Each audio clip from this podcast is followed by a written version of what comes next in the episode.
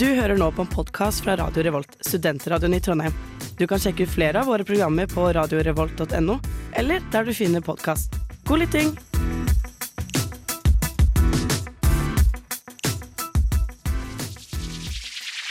Radio Revolt. Det er showtime! Velkommen til en ny episode av Nerdeprat.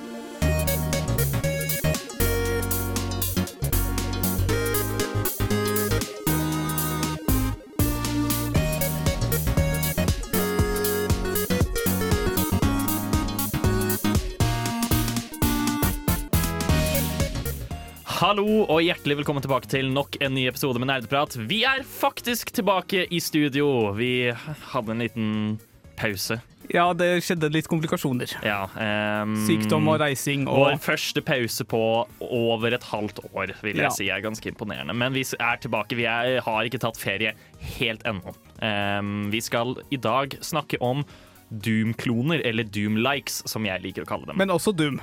Også Doom, i, og, og, og de andre spillene laget av folka som har laget Doom. Som, Som ligner er på Doom. id. Ja, id Software. Mitt navn er Håkon, ehm, programleder som vanlig. Mitt navn er Bård, jeg er tekniker og prater. Ja, prater, og det er oss som er i studio i dag. Um, men vi har en formel her på Nerdprat. Vi skal snakke om hva vi har gjort siden sist, etter vi har hørt In Case of Emergency av Ushikawa. Å, helvete! Jeg må forte meg! Det er en ny episode av Nerdeprat. Det kan jeg ikke gå glipp av.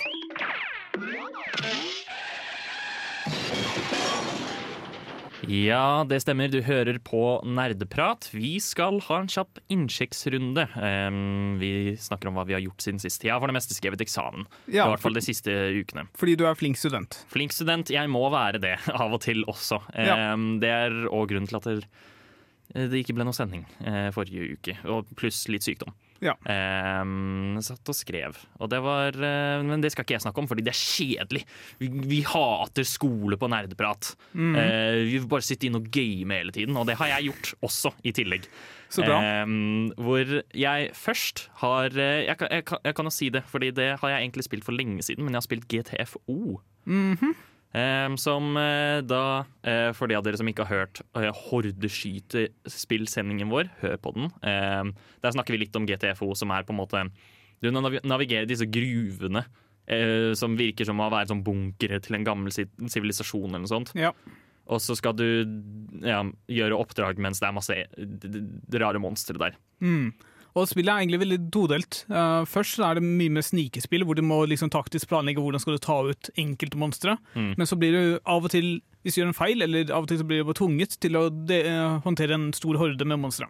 Mm, nettopp. Um, og det var brutalt vanskelig, ass. Herregud, et helt latterlig vanskelig spill. Hvor mange var dere? Um, vi var to stykk. Ja, ja. Ja, fordi- for to stykker så er det brutalt vanskelig. Ja, um, vi hadde med oss bots. Ehm, fordi det er tydeligvis en mulighet at du kan ha med deg bots i spillet, som eh, fungerer for det meste bra.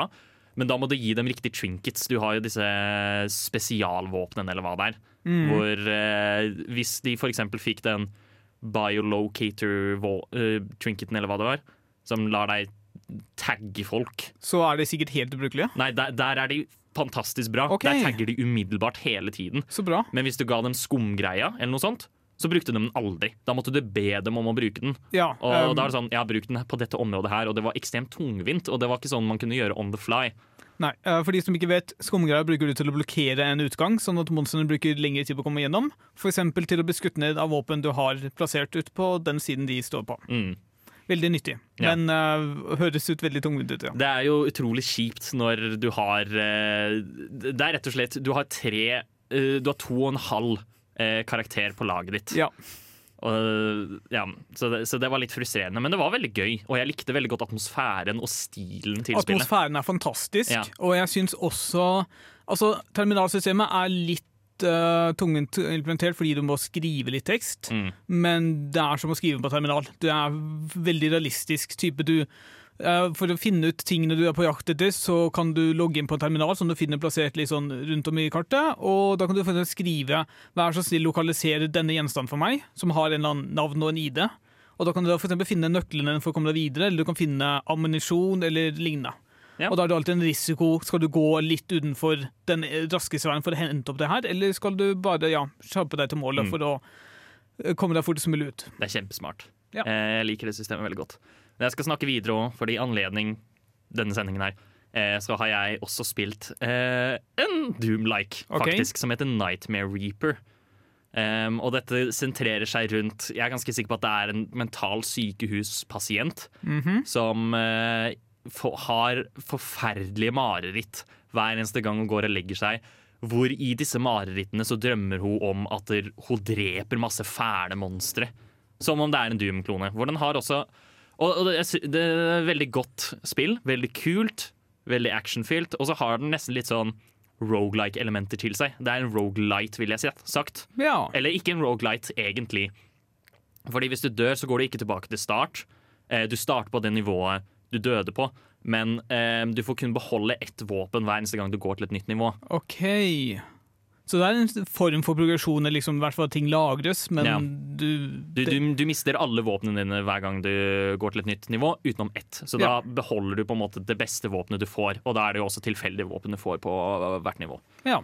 Som eh, Jeg hadde ikke trodd at det skulle fungere med Doom-sjangeren, men da syns jeg det er smart at de på en måte har bare lånt elementer fra Rogalight-sjangeren. Mm. Det har på en måte det viktigste, som er at du løper rundt og du skyter folk.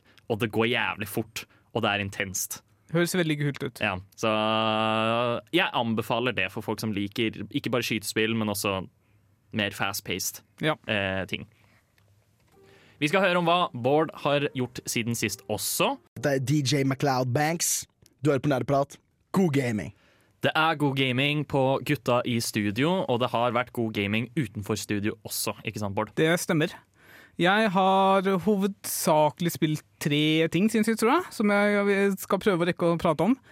Uh, for det første Lost Ark, så klart. Men denne gangen skal jeg faktisk prate litt om Lost Ark. Oi. Fordi det som har skjedd Istedenfor å bare eh, være sånn ja, ja, Lost Ark, Ja. samme gamle. Nei, fordi det som har skjedd eh, relativt nylig, jeg tror det var for nøyaktig en uke siden, ja, 19. mai, så kom det ut en ny klasse, og han har en gigantisk hammer. Og det Jeg det jeg er hører. utrolig kult. Ja. Fordi den ene ultimatferdigheten eh, hans er å bare gå i en slags gudemodus og bare begynne å slå løs. Og jo lengre du slår løs, jo raskere går det. Whack-a-mole. Ja, eh, altså type Du bare går rett foran en fiende og bare begynner å slå sånn. Ah, Så det, ja. det ser nettopp ut som en whack-a-mole. eh, Altså rett ut som whack-a-mole. Å, herregud. Og det beste er, jeg, før denne ble lansert, så så jeg en video fra noen spillere fra Korea. Og visstnok så finnes det skin som kan gjøre dette om til en eh, leketøyshammer. Og da ser det enda er gøyere ut. Og så var det fire, fire sånne eh, personer som gikk rundt og bare slo ting med lekehamre. Og det så så gøy ut. Men ja, jeg lagde meg den klassen og har kost meg kjempemye med den uh, hittil, i hvert fall. Jeg tror jeg vet eh, det, høres ut som akkurat min type klasse eh, i, eh, hvis jeg skulle spilt et MMO-spill. Eh, I tillegg så kan den ta en salto forover med hammeren. Og det ser utrolig gøy ut. det er dritkult! Ja. Jeg elsker det så mye. Men i tillegg til det så har jeg med en jeg spiller Lost Ark med, så har vi fordypet oss inn i Divinity Original Sin 2. Ja. Han nevnte en gang at han eh, skulle fullføre en sånn kampanje, og jeg sa jo det har jeg spilt Eller det har jeg, det har jeg men jeg har egentlig ikke spilt det fordi jeg har venta på folk å spille det med. Så nå har jeg endelig fått starta. Utrolig overveldende, fordi det er mye historie som blir litt ignorert når du spiller med en som har spilt i sånn 500 timer, og sånt, tror jeg han sa. ja. Eh, men veldig godt RPG-spill. Ja, eh, min gamle romkamerat, shout-out til Thomas, har eh, snakket så mye til meg om hvor mye han elsker Divinity. Ja. Um, Fordi det er, du, du, har veldig, du har en enorm frihet. Du har muligheten til å liksom Selv om du har folk som er, skal være vennlige, så kan du angripe dem og liksom endre på alt. Så vil du få negativ eh, liksom eh, Negativt forhold til deg. Eh, Du kan plukke opp masse forskjellige kister. Altså Veldig tradisjonelt RPG-system, bare gjort veldig bra. Mange forskjellige historier som går parallelt. Mange løsninger, Ja. forskjellige løsninger og alt mulig sånt. mm. Har ikke kommet så langt, da. Jeg er fortsatt i første akt, men jeg liker det jeg har opplevd hittil. Man, man, trenger ikke å, man trenger ikke å komme langt umiddelbart når man Nei. spiller. Og spesielt ikke når du egentlig er opptatt med å spille Lost Ark. Ja. uh, men det var en litt sånn dødperiode med Lost Ark, og da plukker jeg opp uh, Hitman igjen. Ja, ja. Hitman er fantastisk. Jeg kjøpte Hitman 3 fordi det, kommet, det var på sånn 5% rabatt. Hvordan er Hitman 3 sammenlignet med Hitman 2? det, det samme. Det er bare mer av det samme. Men Ja. det er noen veldig kule, unike nivåer i Hitman 3. Er blant annet du skal til et herskapshus på liksom engelske her, eh, Altså land, landområdet, og etterforske et mord Eller nei, du skal Hva er det du, hva er det du skal etterforske? Du skal etterforske Jeg husker ikke. Men det, det er type du, du blir nesten som en Poirot, og så skal du snike Oi, deg inn i ja, rom ja, og eh, finne spor og sånne ting, og intervjue folk. Det er ikke veldig komplisert, men det er som passe komplekst. Mm. Så gjør det en unik vri.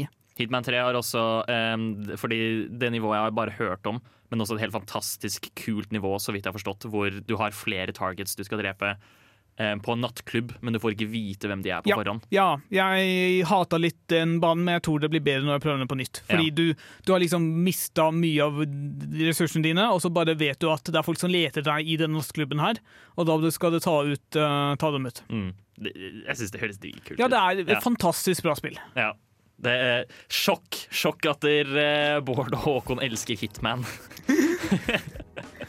ja, nei. Um, takk. Uh, bra innsjekk.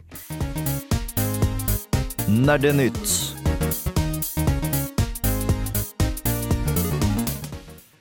Det har vært spillnyheter. Ehm, det er jo som regel det når man eh, har en utviklende medie. Jeg vet, jeg vet Ja. ikke hvor jeg skulle med det her. Nyheter har det vært likevel. Det stemmer. Uh, vi kan først ta en liten sånn oppsummering, eller ikke oppsummering, men det har skjedd litt uh, nyvinninger i, uh, med Activision. For det første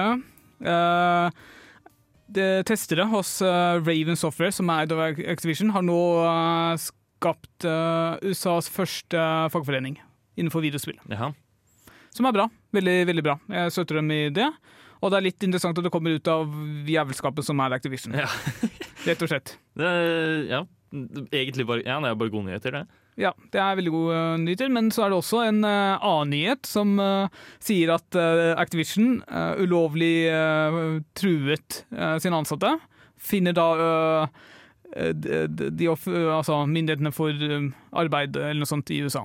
Mm. Så to sider, uh, du har to nyheter, én på den ene siden og en på den andre siden. Jeg føler det alltid er veldig sånn um, dette, det overrasker meg ikke. Nei, og det er liksom Activision har, er jo under en Eller i flere rettsoppgjør nå, så det er ikke så rart at ting kommer ut. Men det er bare det er bra at det nå viser at det kan skje en endring da, med Mm. den nye fagforeningen. Ja, definitivt. Eh, I tillegg så har eh, Sony masse, ganske mye problemer med PlayStation Plus. For de som ikke har fått med seg det, PlayStation Plus endrer seg til en ny strømmebasert tjeneste og noe sånt, og eierskapet på sånt ble endret. Men visstnok er det noe med at spillere i Asia som har kjøpt ting til rabatt, ikke fikk den rabatten eh, hva skal jeg si, ikke fikk den rabatten i det hele tatt, og at andre folk i Asia bare ikke har like mye bibliotek som de burde ha. Jeg skjønner ikke hvordan de klarer det. Nei. Hvis vi skal gjøre så så endring, hvorfor gjør de ikke det ordentlig Det- og uten feil? Ja, det, det er jo veldig sløvt. Folk betaler jo allerede ganske mye penger for dette. For mye, Ja. vil jeg si. Uh, og så klarer de ikke det engang når de selv uh, Ja, men herregud. Hva, hva annet skal man forvente? Det er sånn uh, veldig, veldig negativt innstilling her, men Sony har ja, Sony er litt late, litt eh, De har satt seg på bakbena, ikke på bakbena, men eh, de kunne vært mer frampå på ting, Ja. vil jeg si. definitivt. Uh, I tillegg så er det en, uh, en kjapp greie som, jeg som fikk veldig mye oppstyr. Dragons Dogma, som er et fantastisk bra rollespill fra ti år siden, har tiårsjubileum, og de Capcom er det vel, tror jeg, lanserte en ny nettside for å, for å markere dette jubileet, men med ingen ny informasjon overhodet. Så folk spekulerer i at det kanskje kommer en oppfølger nå snart, men vel, hvem vet? Så det var, bare, det var bare en liten feiring, og de lagde en helt egen nettside for det. Tydeligvis. Eh, altså, det, er for, Det er litt søtt, det ble lansert i mai, så det er fortsatt mulighet for at det kommer en annonsering i løpet av en ukes tid, det kanskje. ja, man skal ikke se bort ifra det. Spesielt eh, Dragon's Dogma er veldig kritik- kritikerrost, så det skal ikke overraske meg om det kommer en oppfølger. Jeg føler Det også. altså det er jo veldig klassisk Capcom eh, å lage helt nye nettsider for å annonsere spill. De gjorde jo Ja. det med Street Fighter 6 òg. Eh, og spesielt uh, så en annen nyhet om at Capcom har sagt at de skal prøve å gjenopplive noen eh, gamle serier. Så det kan jo passe bra med den annonseringen der. der. jeg håper de gjenoppliver Darkstalkers, herregud.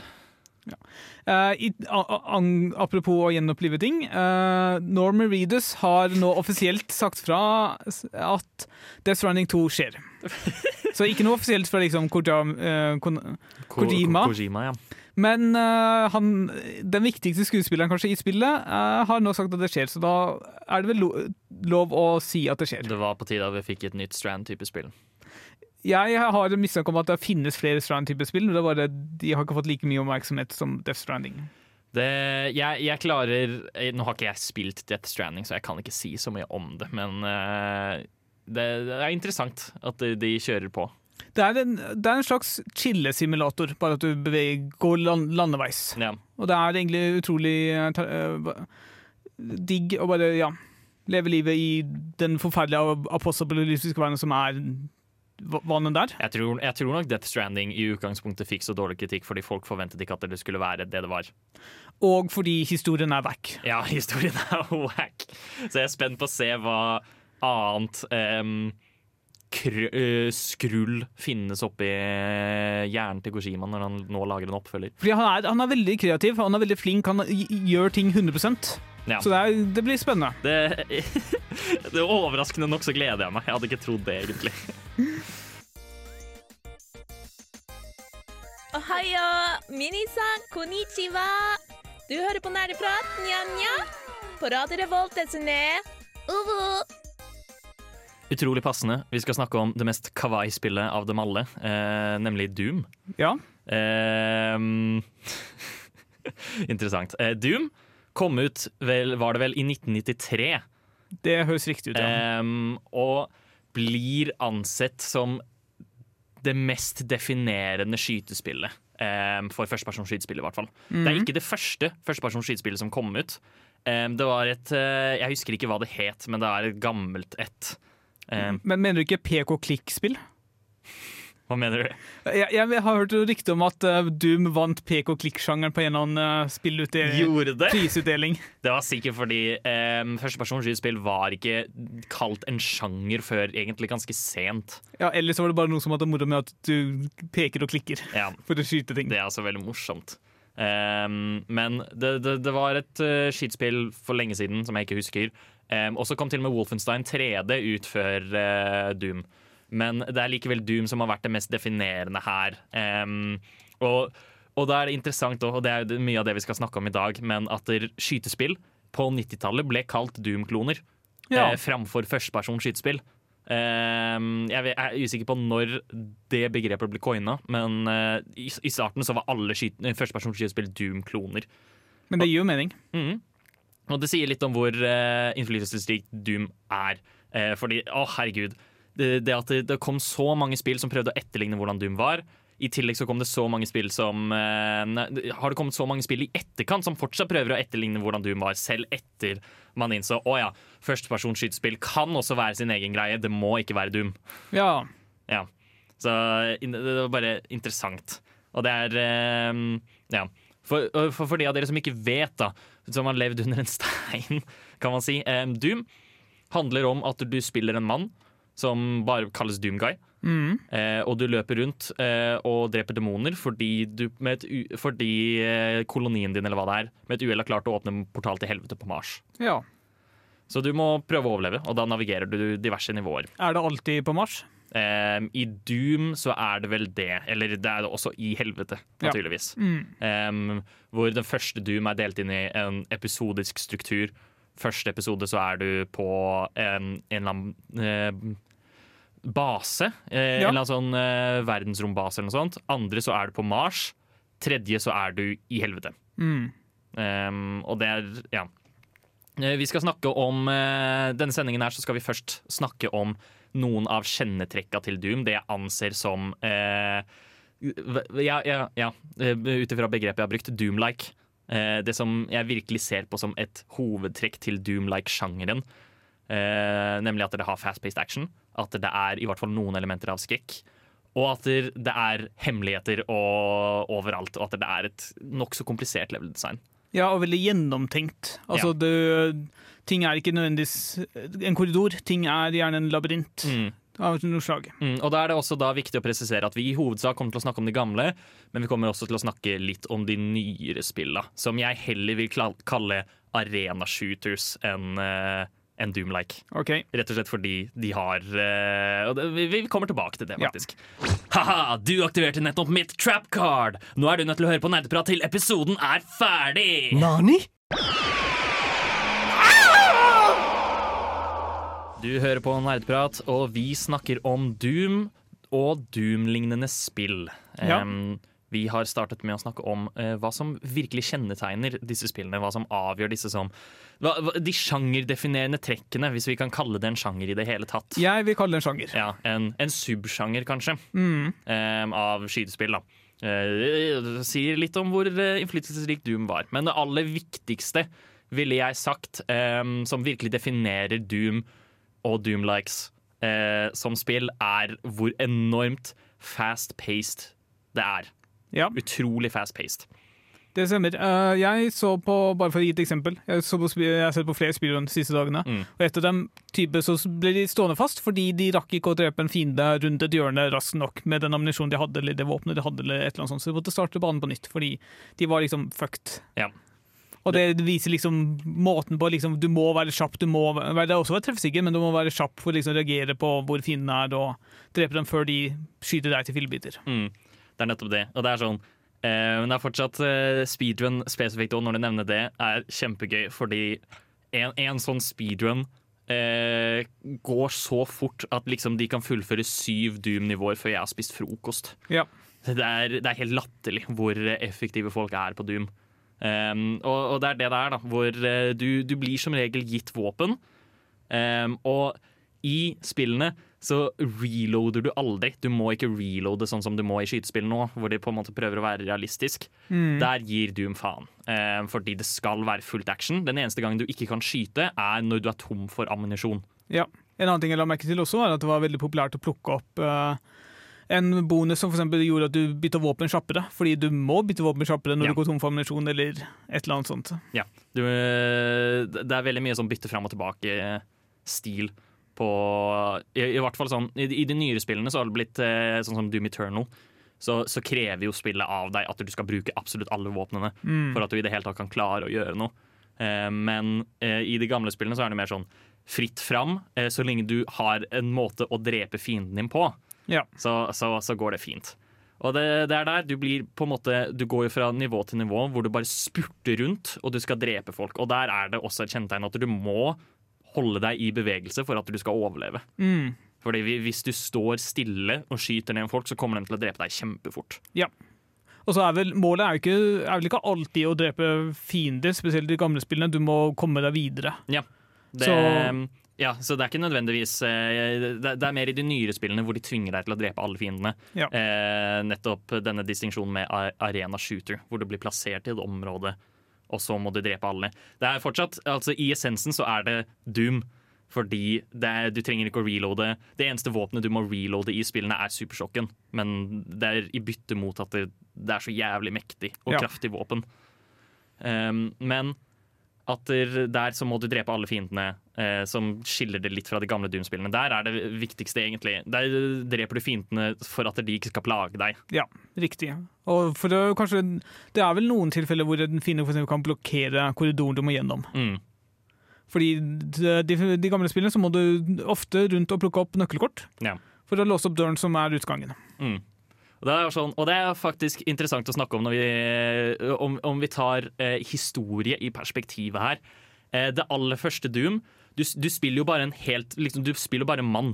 Eh, han har ikke noe navn eller noe sånt, så han, han fikk jo bare tittelen Doomguy av fanbasen. Ja. Um, og og, og det, det er et lite meme om at han eh, er liksom han, selv om han bare er en vanlig marinesoldat, så er han helt inhuman eh, i hvor, liksom, hvor rask han er. Og alt som er. Så, så de gjorde det til et story-element i Doom 2016 og Doom Eternal. At Ja, men- det finnes en logisk forklaring for hvorfor han er så jævlig sterk Ok, så, så bra. Ja. Um, men, men i utgangspunktet så var det bare en greie. Ja. det, for, fordi det, det, bra, det skapte bra gameplay. Mm. Men ja, fordi han, han løper jo rundt helt latterlig fort.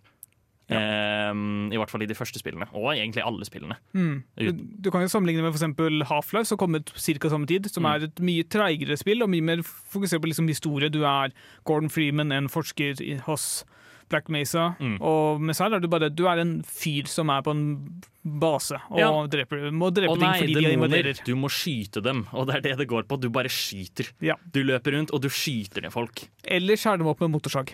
Ja, det, ja, det er kanskje det kuleste. Men det er vel, det er vel ikke like, like raskt, tror jeg.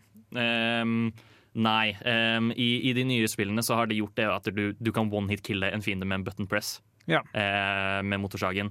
Det er ikke like tilfredsstillende synes jeg, som å løpe opp til dem og skjære dem opp, eh, sånn som i de gamle spillene. Ja. Eh, det, det tar faktisk også inn på et annet punkt, og det er at Doom har eh, liksom et stor versjon av forskjellige våpen du kan bruke. Mm. Eh, hvor det mest ikoniske våpenet uten tvil er jo sjokken.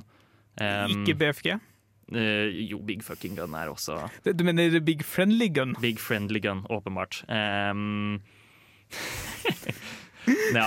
Eh, men nei jeg, vil, jeg vil jo si at Doomguy assosieres med shotgunen, Ja. uten tvil. Det er, det er jo den man starter med Eller kanskje ikke starter med, men i hvert fall får veldig tidlig. ja. Mens eh, BFG er type sånn et ultimat våpen du sjelden får ammunisjon for, og derfor må spare til liksom veldig Ja, hvis, hvis du f.eks. møter en eh, Baron of Hell, som eh, er noen av de vanskeligste fiendene du møter, i hvert fall i det første spillet, så jeg, bruker du gjerne BFG-en imot dem. Ja. Eh, ja så, og, og da er det liksom, som nevnt, at der, eh, essensen av spillet er at du bytter mellom alle disse våpnene. Du plaffer ned folk. Du løper jævlig fort gjennom lange korridorer. Det er i hvert fall de gamle Dune-spillene. Det er kjempekult, og ja, jeg elsker det.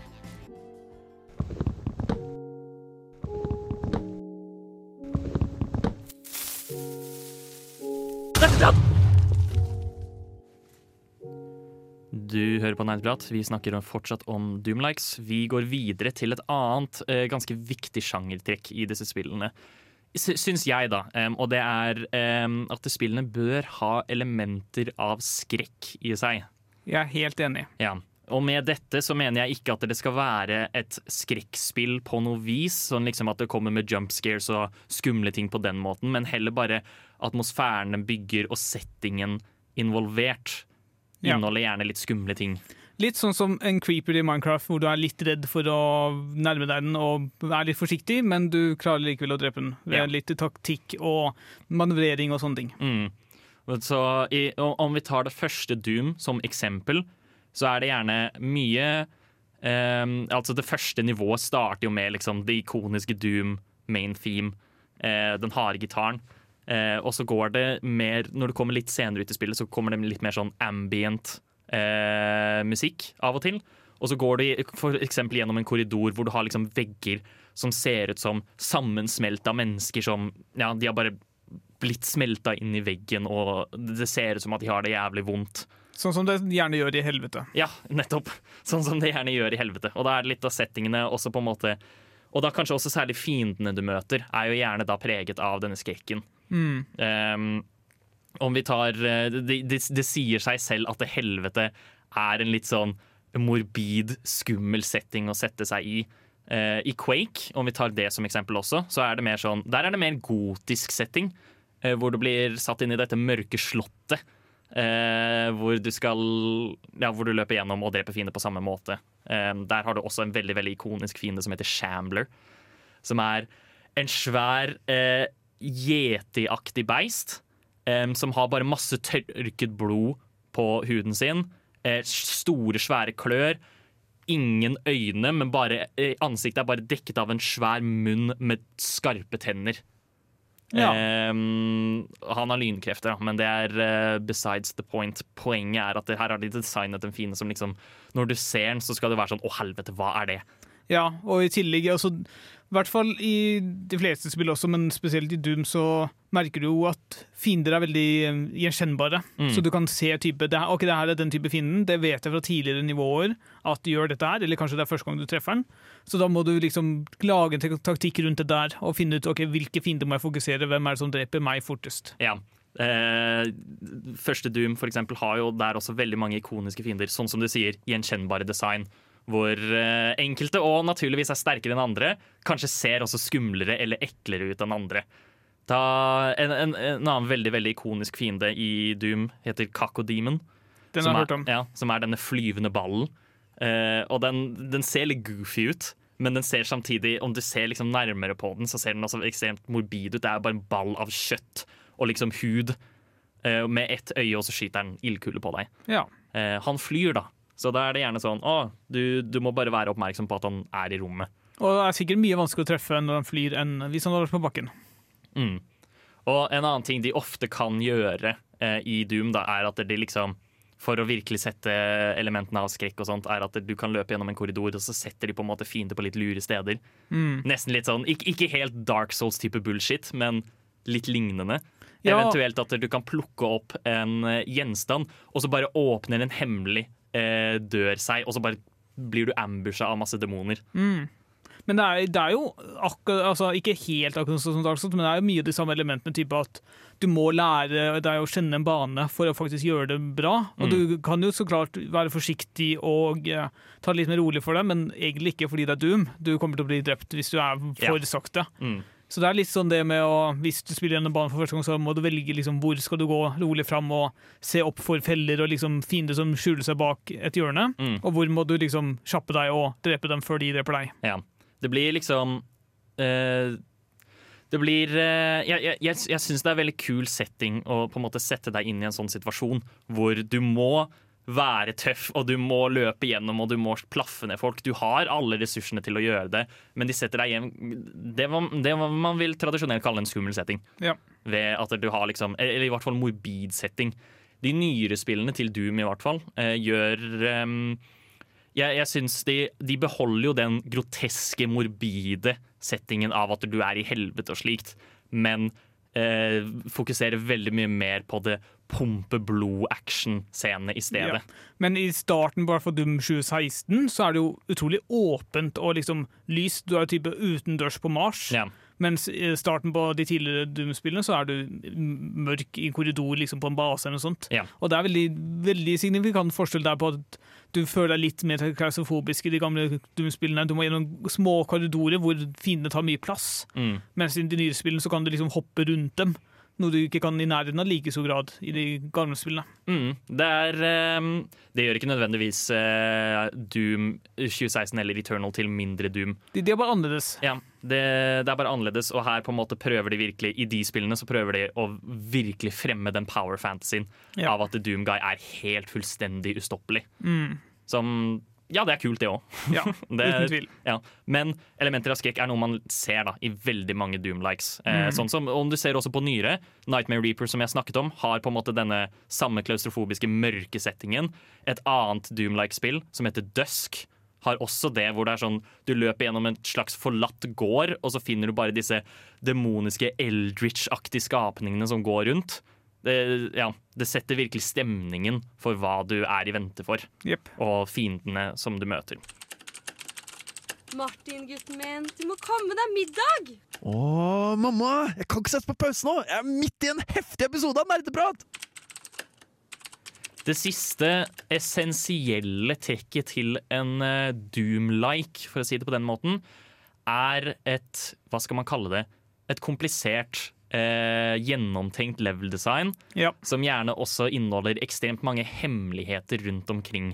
Det var jo på en tid eh, Doom kom jo ut på en tid hvor det var veldig populært å bare ha secrets rundt på banen og liksom gi sånne små ting som man kunne finne, og belønne spillerne for å utforske. Mm.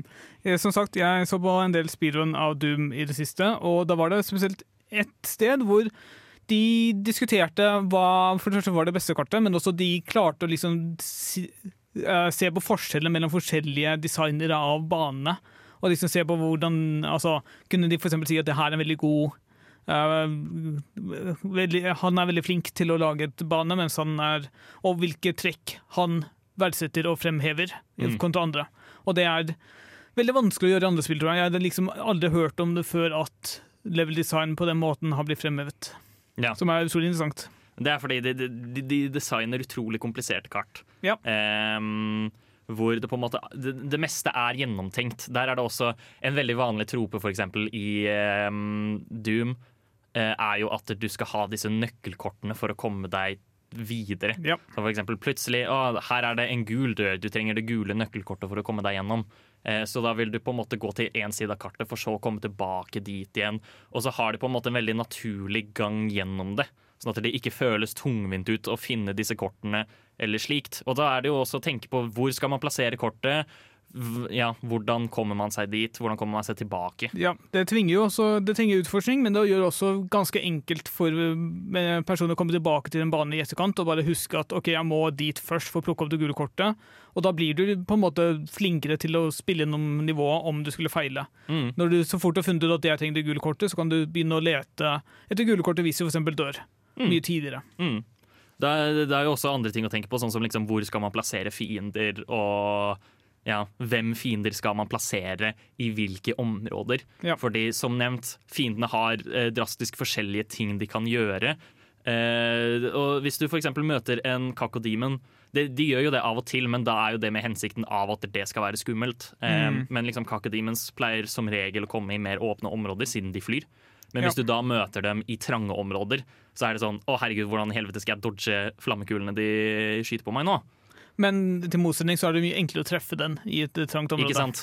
Så det, det veier seg opp. Det er mye interessante avgjørelser de kan gjøre, i hvert fall Mm. når fiendene oppfører seg så utrolig annerledes fra hverandre. Ja, og det tyder også på at du må De har også vært veldig flinke til å teste um, nivåene, fordi du Det er veldig sjeldent du hører folk si at det her er dårlig bane. Mm. Så det er som regel alle sammen godt gjennomførte, og det virker som det er godt testet for å finne ut hva kan du egentlig gjøre dette her, hva skjer hvis du går dit først istedenfor dit. Ja, det er veldig solid. Mm. Og, og da er det også eh, det neste aspektet som jeg også nevnte. At der, eh, de har veldig mange hemmeligheter rundt omkring. Dette var på det tidspunktet hvor de likte å gjemme hemmeligheter.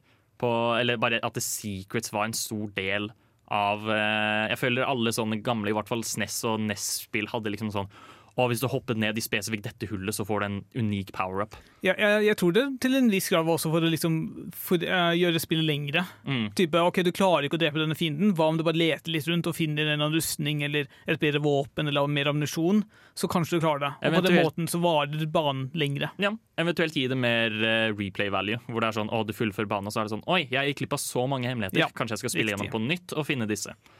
Der òg er det jo sånn eh, Veldig mange av de er ekstremt cheeky. Sånn som for eksempel du kan gå til en vegg eh, som beveger seg La oss si at det, eh, det har en, eh, ansikter, da, sånn som nevnt, som beveger seg mot høyre. Og så er det en bitte liten del som beveger seg mot venstre. Og da er det sånn, da går du bort og så bare trykker du på den veggen, og så er det sånn Wow, det var en hemmelig dør! Ja. type ting. Eh, og da, ja, det er Veldig mange av de er utrolig kryptiske, men de er også, det er også gøy at de finnes.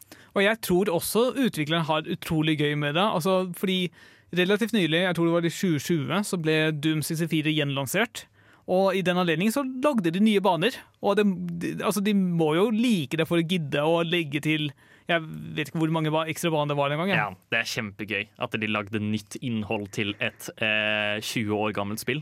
Som kun kommer på Nintendo 64. Kun kommer på Nintendo 64, nå har det blitt gjenlansert. Men eh, ja, sjekk det ut da, faktisk.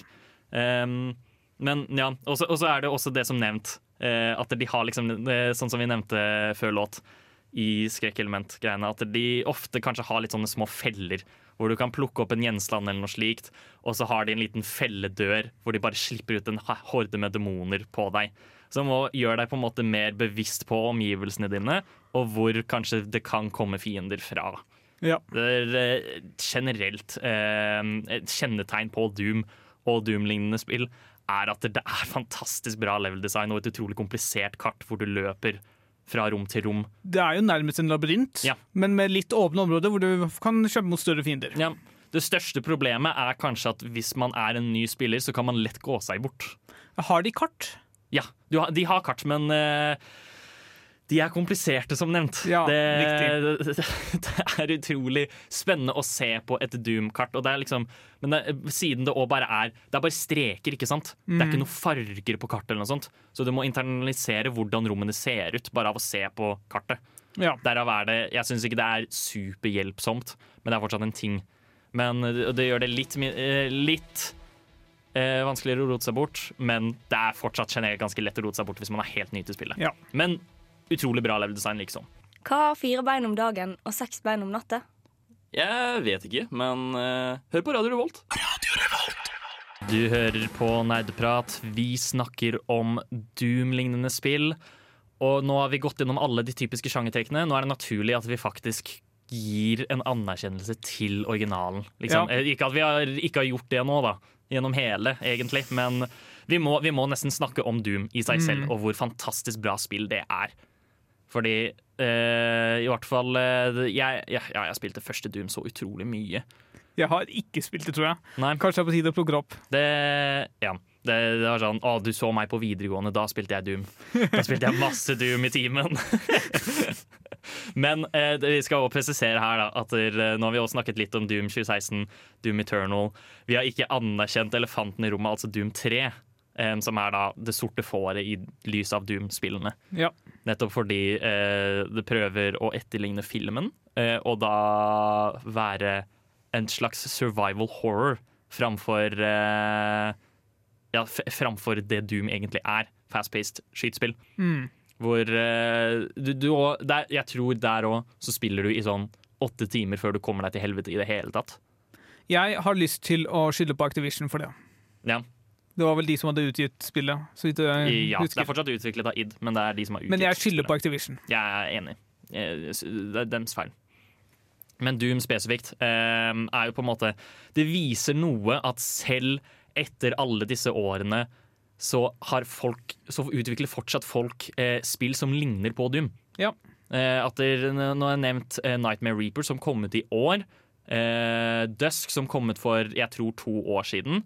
Og så har det, ja, du har Ultra Kill, for eksempel, også, som eh, prøver å etterligne de nye Doom-spillene. Men ja. Ja, fordi du har jo mange eksempler på spill som ikke etterligner det. Det. Altså, du, mange vil jo kanskje si at uh, Hafla for eksempel, er et mye mer uh, anerkjent skytespill uh, av folkemassen, liksom. Mm. Og at folk heller ville etterligne det. Men, og det har jo folk gjort, så klart allike, også. Men allikevel så er det mange som returnerer tilbake til Doom bare fordi de unike egenskapene Doom som gjør det til et veldig annerledes spill enn mange av de andre på markedet. Mm. Og det er sånn, og jeg bare Jeg kan ikke fatte liksom hvor smart det var. Jeg, jeg aner ikke om det var en bevisst avgjørelse, eller om de bare ikke orka å programmere det. Um, eller hva det var. Men det at man ikke Man reloader ikke i det hele tatt.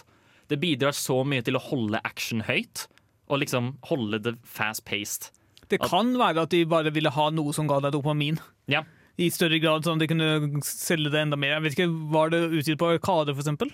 Nei, det var utgitt til PC, i Kun til. PC, ja. Ehm, hvor eh, Ja. Og det var bare eh, så, så, så det var jo noe du, du, du kjøpte. Ja, det ble jo eh, utslippet i episodisk struktur, i hvert fall det, det første Doom. Ja. Um, også, også om du ser på Doom 2 også, som er oppfølgeren. Det eneste de gjør der, er egentlig det er Doom, men mer.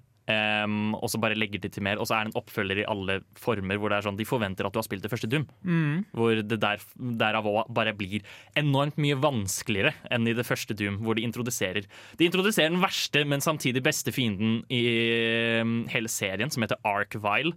Hvor det er sånn, Hvis du ser på han, så bare brenner han deg. Så du, så, du, så du må skyte han ned ved å se på han, men du kan ikke se på han, fordi da bare brenner han deg. Det høres uh, veldig vanskelig ut. Ja, og da har de et nivå der som bare er en svær labyrint med masse, masse Arkviles. Og det er ehm, Jeg hater det nivået, men jeg elsker det nivået for, for grunn av at jeg hater det så mye. Ja. Det er ehm, Nei, jeg vet, jeg, vet, jeg vet ikke hva mer jeg skal si om Doom. Det er kjempebra. Og så er det utrolig imponerende, hva skal man si, teknisk. Ehm, De utvikler sin egen spillmotor for det, som har sine mangler. Uh, Visstnok så håndterer de ikke Z-aksen noe særlig bra, nei. men allikevel, uh, de utvikler sin egen spillmotor, og det kan jo tyde på at fordi de ga ut episodisk, kanskje de slet litt med penger og ikke hadde råd til å finansiere hele spillet fra starten av, men de er jo tydelig åpenbart veldig veldig flinke til det de driver med. De har Ja. jo holdt på med sånne typer spill helt fram til nå. Ja, nettopp. Det er jo også eh, et meme av at Doom, i hvert fall det originale Doom, kan kjøre på hvilken som helst Ja. eh, teknologiske gjenstand. Hvor det også finnes folk som eksempel har spilt Doom på kalkulator. Det er veldig gøy. Ja, Som sier litt om hvor lite kraft spillet krever. Men at det likevel er så godt gjennomført og bra. Mm. Nei, det er, eh, og, og, og så er det jo typ Selv om det ikke simulerer Z-aksen så bra, så simulerer det jo på en måte en 3D-område. Ja. Det er jo ikke 3D-spill, men det simulerer det. Mm. Og det og er jo kjempekult. Og bare det at det, Ja, eh, Imponerende og enormt innflytelsesrikt spill. Jeg vil også bare slenge ut litt om Doom 64, som kommer på Nintendo 64 og måtte gjøre det litt, uh, litt noen ting annerledes, fordi du har en kassett som har litt begrenset med lagringsplass. Så de har f.eks. mer fokus på det å gjemme ting og prøve å løse gåter og lignende, enn nødvendigvis skyting. Eller altså, de, må, de gjør nivåene mindre ved å skjule Altså ved å gjøre ting mer komplisert og mer lab- labyrintaktig enn de originale spillene. Mm. Og i tillegg der har du igjen De la ut nye baner som ikke var publisert tidligere nå når de gjenlanserte spillet. Og det er også forventer at du har spilt originale Doom før du spiller det nye, så det er helt utrolig vanskelig fra starten av. Ja. Og det er også utrolig Det er jo det folk har lyst til. Det er jo det folk går til Doom for vanskeligheten. ja, nettopp. Det er et brut brutalt spill. Ja. Eh, og det er ja. Snupper, vil du være med og høre på nerdprat, eller? OK, her kommer vi!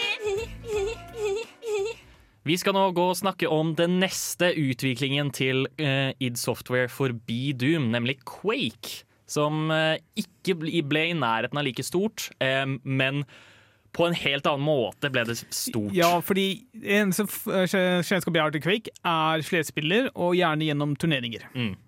Det, det, det, det, det, var på en måte i stor grad det som kanskje dannet competitive multiplayer for skytespill. Ja. Um, ja. Men det tyder på at også folk savna muligheten til å konkurrere mot hverandre i Doom-type lignende spill. Altså, eller spill med Doom-mekanikker hvor, hvor det er raskt, hvor det er mye bevegelse og sånne ting. Ja. Fordi det er jo helt sinnssykt å se på folk spille Quake mot hverandre. Den hastigheten de kommer opp i, og våpnene de bruker. og alt mulig sånt. Folk er helt ville, Ja. eh, og det er kjempegøy å se på. Eh, men eh, og, og apropos der, så er jo det også faktisk interessant å snakke om, fordi Quake 3 er jo også det spillet som startet arena-shooter-sjangeren. Som nå er Doom 2016 og Doom Eternal. Ja. Så, så id har bare likt det formatet såpass godt at de også har tatt det over med til Doom. Tror dere de kommer til å lage en ny uh, Doom-lignende spill? Altså mer nærmere de originale, eller kommer de til å fortsette med Arena, sånn som de har gjort nå? Jeg vil tippe de fortsetter det, men det er det som funker. Det er det som er Doom akkurat nå, Ja. og det er kjempebra. Doom Eternal er jo et av de beste, på, et av de beste skytespillene som finnes, i min mening. Eh, fordi det er så blodpumpende, og det passer kjempebra til Doom Action. Ja. Fordi eh, Quake, som nevnt, er på en måte plasserer deg i mer sånn gotisk setting, hvor du går gjennom en sånn slott. Eh, du har eh, veldig merkelig, rare, gøye fiendedesign, sånn som Shambler, som nevnt. Eh, du kan møte på troll og lignende. Har det Um, vampyrer også? Jeg husker ikke. Fordi jeg, jeg forbinder det området jeg husker fra Quake-spill med vampyrer, men det er mulig eh, det, det er sikkert bare noe jeg har plassert der i hodet mitt. Mm. I min mening også, selv om på en måte Doom-fiendene er ekstremt ikoniske, så syns jeg Quake sine fiender er generelt bedre. Fordi i, i det originale Doom så kan fiender enten bare gå mot deg, eller så kan de skyte projektiler. Ja. Og, og det er omtrent det de gjør. Mens i Quake så er det på en måte mye mer variasjon, hvor f.eks. Shamblan skyter lyn på deg. Du har enkelte fiender som prøver å hoppe mot deg. Du må tenke mer, da. I bytte så har karakteren din også mer fleksibilitet. Det er her på en måte videreutviklingen kommer. Fordi eh, Det kom jo med vitsen om at Doom var eh, pek-og-klikk-spill. Ja. Og det er rett og slett fordi du kan ikke sikte opp eller ned. Du har bare en gunner, liksom, så du beveger deg mens den skyter rett fram. Ja. Eh, mens i Quake så kan du sikte opp og ned. Og du kan bevege deg generelt mye Det er mye mer fluid i bevegelse. Hva, hva er egentlig plottet i Quake, for en som ikke har satt seg inn i det Eh, du skal drepe et beist med kodenavn Quake. Okay. Og det er handlingen i Quake. det er det alt du går ut fra. Ja, Eh, I hvilken tidsperiode er det satt til? det vet jeg ikke. Okay. Det, det er jeg ikke helt sikker på. Fordi våpnene er futuristiske, mens uh, byggestilen er ganske gammel. Så det er litt misforstående. Ja. Og det er, eh, det, er kanskje, det er mye av det jeg liker så godt med Quake sin stil. Det, det, det gjør det også at det skiller seg ut fra Doom som sin egen greie, selv om det på en måte spiller veldig likt. Det har på en måte litt mer teknologiske nyutviklinger av uh, gameplay og slikt, men eh, og, og så er det sin helt egen greie. Men uh, ja, det, det, det er annerledes på enkelte områder. Siden pga. fiendedesignet og slikt. Så i Quake så har du på en måte muligheter til å navigere og hoppe rundt og veldig mye mer movement, men spillet er generelt tregere enn i Doom. Rett og slett fordi fiendene tåler veldig mye mer, og de føles som tanks. Og derav plasserer de ikke 1800 fiender på samme område, sånn som de gjerne kan gjøre i Doom. Ja. Der, der kan du plaffe ned 100 stykk på kjempekort tid, mens i Quake så tar det generelt litt mer tid å drepe fiender. Og så Jeg vet ikke om liksom enspillerdelen av Quake har det, men fra flerspillet så har det hvert teleportører, som gjør det jo enda Mm. mer hektisk og uoversiktlig for seere og kanskje også spillere til tider. Ehm, ja, nettopp. Så det er, det, er, det er mye nytt, men det er, jeg tror Quake tok definitivt mest av av multiplayeren sin. Mm. Men uh, det er viktig å anerkjenne hvor også fet singleplayeren er. Fordi singleplayeren til Quake er faktisk dritkul. Hvordan kan man spille det? Eh, det har kommet en ny re-release eh, i fjor, faktisk. I, Ja. På slutten av 2021 så kom det en remaster eh, med oppdatert grafikk til Quake. Som er helt fantastisk bra. Eh, det føles akkurat ut som å spille Quake. Det er egentlig ikke noe negativt å si. Eh, hvis du liker Doom eller Doom-lignende spill, så er det helt sinnssykt at du ikke har spilt Quake ennå. Ja, enig. Ehm, fordi, og det er kanskje på en måte Her viser også eh, id at det, all, alt de har lært ved Doom, og liksom hva de gjør bedre i Quake. Fordi selv om Doom har Det er den som er essensen av Doom-likes. Men Quake kommer med så mange kule innovasjoner til sjangeren. Det er Kjempebra spill. Dagens sending av Nerdeprat er sponset av Raid Shadow Le... Ouch! Unnskyld! Unnskyld! Du hører på Nerdeprat. Vi skal gå over til å snakke om kanskje det mest ikoniske Doom-like-spillet som ikke er utviklet av id Software. Men også et av de mest ikoniske for nyere publikum, av, basert på historien til det ene spillet. Mhm, eh, absolutt. Og det er jo Ja, nei, det er bare spesifikt. Eh, dette spillet her da, har fått veldig mye eh, anerkjennelse rett og slett fordi det Eller denne spillserien, kan man si. Fordi det har eh, en utrolig gøy karakter som hovedperson. Eh, vi snakker selvsagt om Duke Nukem, eh, i hovedsak Duke Nukem 3D. Fun fact, de to første Duke Nukem-spillene eh, var 2D-plattformer. Oi! Um, som jeg er ganske sikker på lignet litt Contra-type ting. Mhm. Um, og så så de suksessen av Doom, um, og så bestemte de seg for Ja, vi skal lage vårt lignende spill.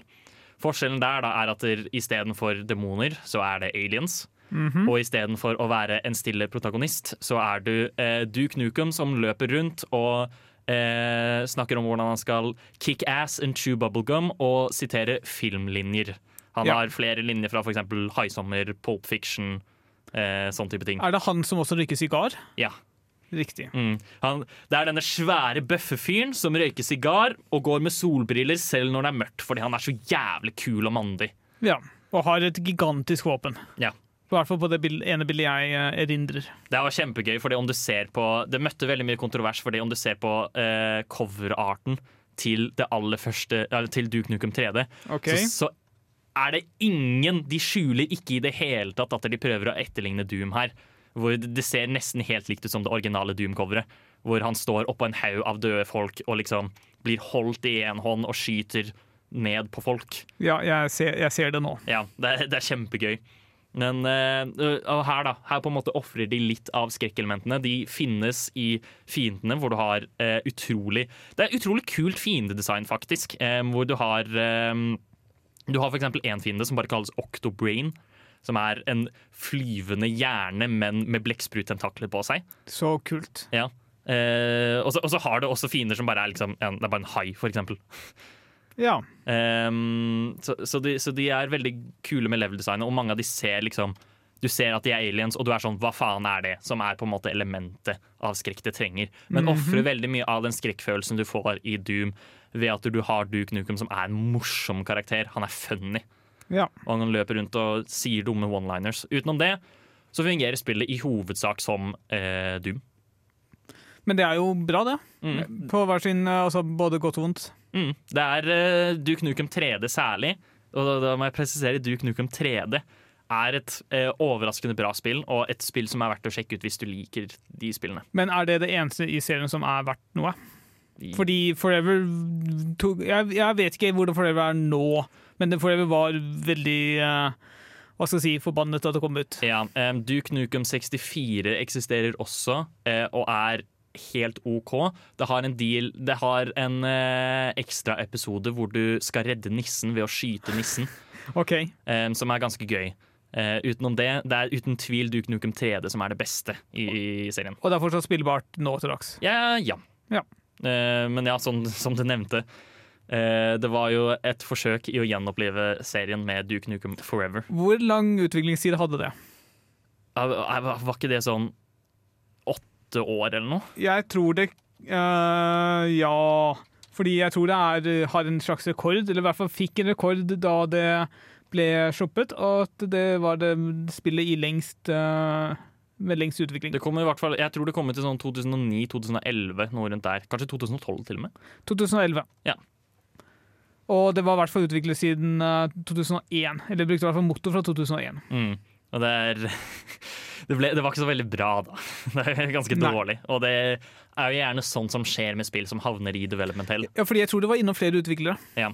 Eh, Uansett, uh, kanskje verdt å sjekke ut på salg, men uh, ikke veldig godt likt. Sjekk ut Duke Nukem 3D istedenfor. Duke Nukem 3D er fantastisk bra. Kjempegøy spill. Hva er det du liker best ved studentradioen? Jeg hører alltid på studentradioen. Vi skal nå gå over til å snakke om litt andre Doom-likes som kom ut på 90-tallet. Doom var, som nevnt, som jeg har nevnt utallig mange ganger nå, ekstremt populært, ekstremt innflytelsesrikt. Og det var veldig mange som hadde lyst på en del av kaka. Um, kanskje den beste som kom ut av dette, var Duke Nukem 3D. Mhm. Men eh, det fantes også andre litt mer interessante vrier på sjangeren. Er, er det en grunn til at jeg ikke har hørt om, sikkert ikke har hørt om noen av dem? Ja, og det er fordi ingen av de Altså, det er ikke noe vitsen å spille disse når du kan spille Doom. Ja. Eh, eventuelt Quake eller Duke Nukem. Uh, men de eksisterer, og det er fortsatt interessante utviklinger av sjangeren, kan man si. Og det er verdt å legge merke til at det var forsøk på å liksom, ri på den bølgen som Doom skapte. Og Mm. hvor, bare for å liksom enda mer sette spissen at Doom var sjangerdefinerende og en, liksom, en braksuksess. Mm. Uh, for å ta noen eksempler. Først så vil jeg gjerne eh, snakke om spillet Strife, som kom ut i 1996. Okay. Hvor de forsøker å blande eh, De forsøker å blande liksom Doom-aktig spilltypen med eh, RPG-elementer. Hmm. Eh, hvor eh, du, du, starter, du starter spillet med liksom en crossbow en, eller en flammekaster eller noe lignende, avhengig av hva du selv ønsker. Ja. Og så Ja. handlingsmessig så er det bare at en komet krasjer i planeten, og så er, sprer det seg et dødelig virus. Og enkelte som får dette viruset, muterer og blir til groteske monstre. Mm -hmm. derav skrekkelementet. Men det er jo bare Det er en interessant eh, blanding av sjangere. Og det er sånn i hvert fall særlig eh, gøy når man ser på f.eks. System Shock 2, som jo er mer tradisjonelt skytespill, men som tok dette steget enda videre. Som nå har blitt ganske vanlig, faktisk. En hybrid av RPG og skytespill.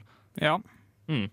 Ja, annen type spill som jeg er usikker på om jeg ville kalt en 100% Doom-klone, men som låner veldig mange av de samme elementene, er bare et spill som heter Alien Trilogy.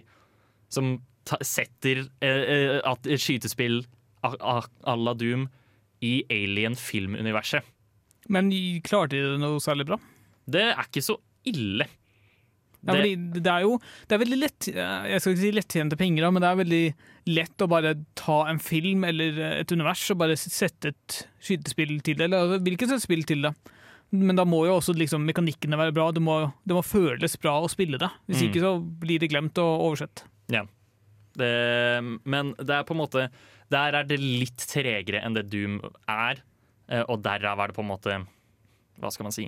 Men altså, Alien er vel sånn generelt litt mer skrekk Det skal, det. det skal være mer skrekk, så der gir det på en måte mening. Men det er samme korridorbaserte level design og samme eh, gameplayet, utenom at det ikke Ja. er like kjapt. Og så er det jo naturligvis aliens.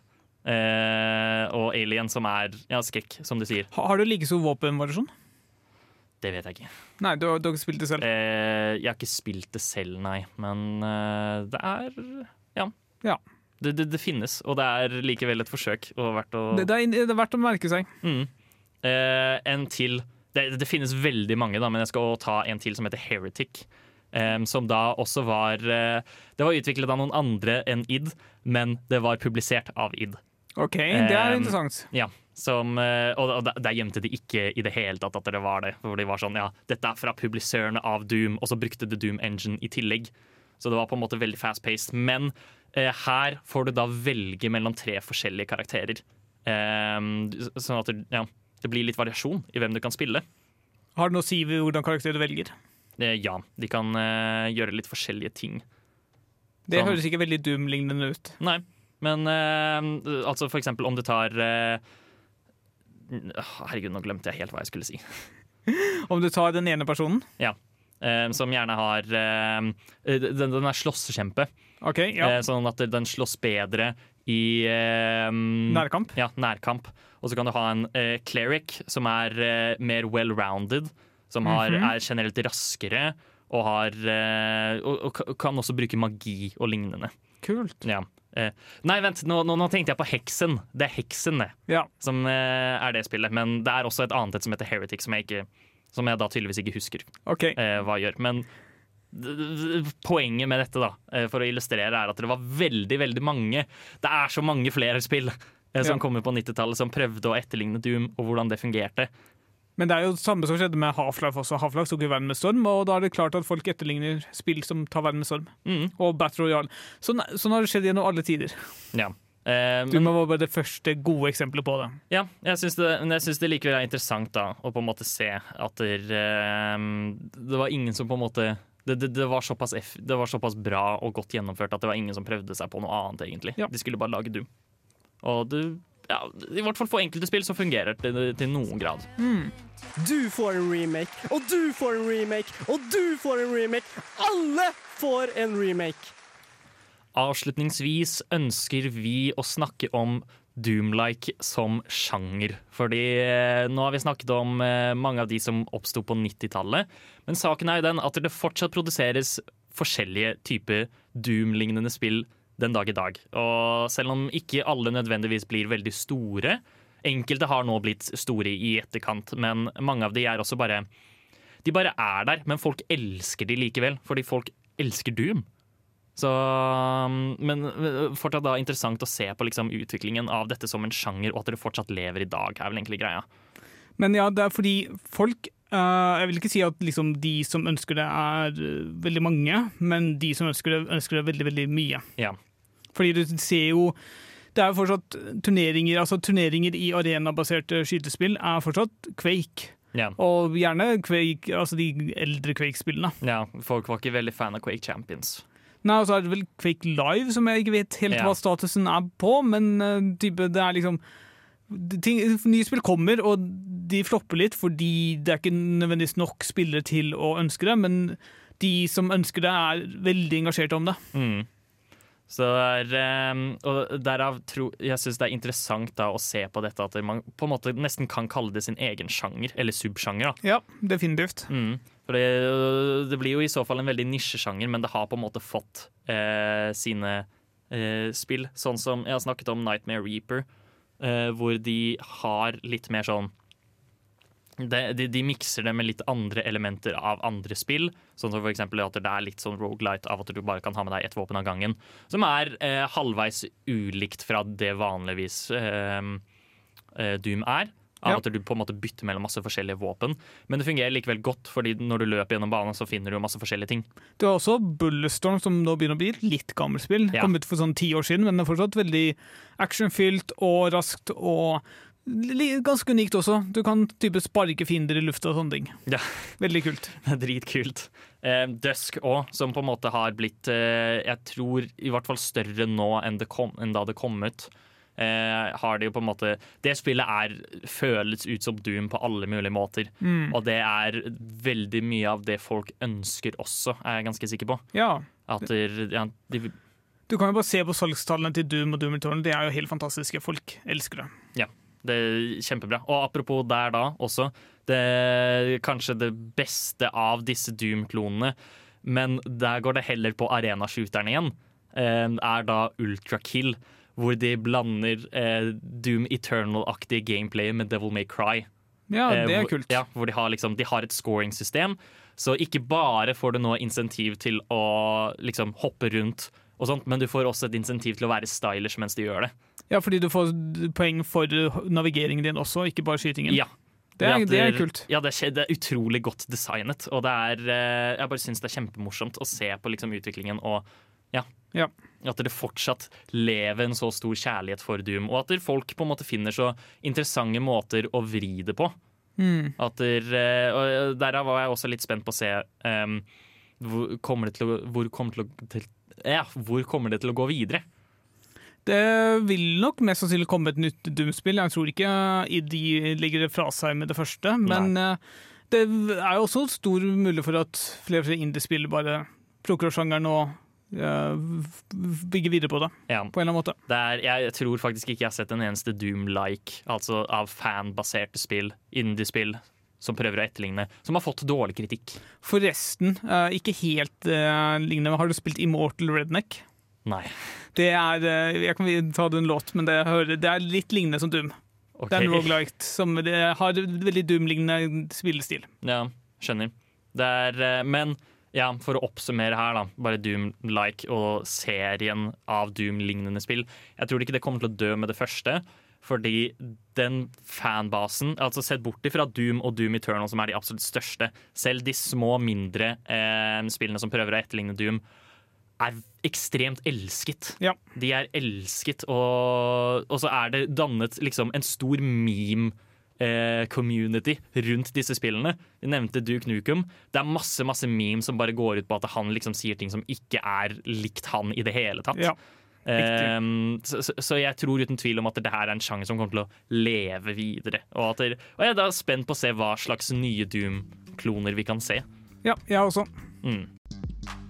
Å, faen, du hører så jævlig på nerdeprat. Altså, det games, og det prates, og det nerdes, og det er litt. Det er litt enn så lenge vi er på lufta, dessverre ikke så veldig mye lenger. Vi er ferdig for i dag. Vi har snakket om Doom. Det, et av de mest ikoniske spillene som finnes, egentlig. Ja. Um, samt Doom-likes, som jeg liker å kalle dem. Spill som prøver å etterligne. Snakket rett og slett om hvorfor Doom er så sykt fett, og hvorfor det er en så utrolig innflytelsesrik uh, utrolig innflytelsesrikt spill. Og hvorfor eh, det er fantastisk at det, det er en, har blitt en subsjanger som fortsatt lever. Og hvorfor du bør spille dem. Hvorfor du bør spille dem. Absolutt. Nå sier vi adjø. Her får dere Halftime av Naz. Ha det bra. Ha det. Du har lyttet til en podkast fra Radio Revolt, studentradioen i Trondheim. Likte du dette, kan vi også anbefale.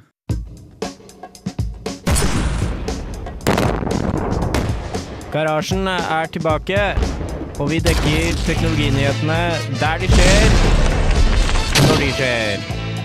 Når de skjer. Garasjen. 4 til 5 på mandager på Radio Revolt.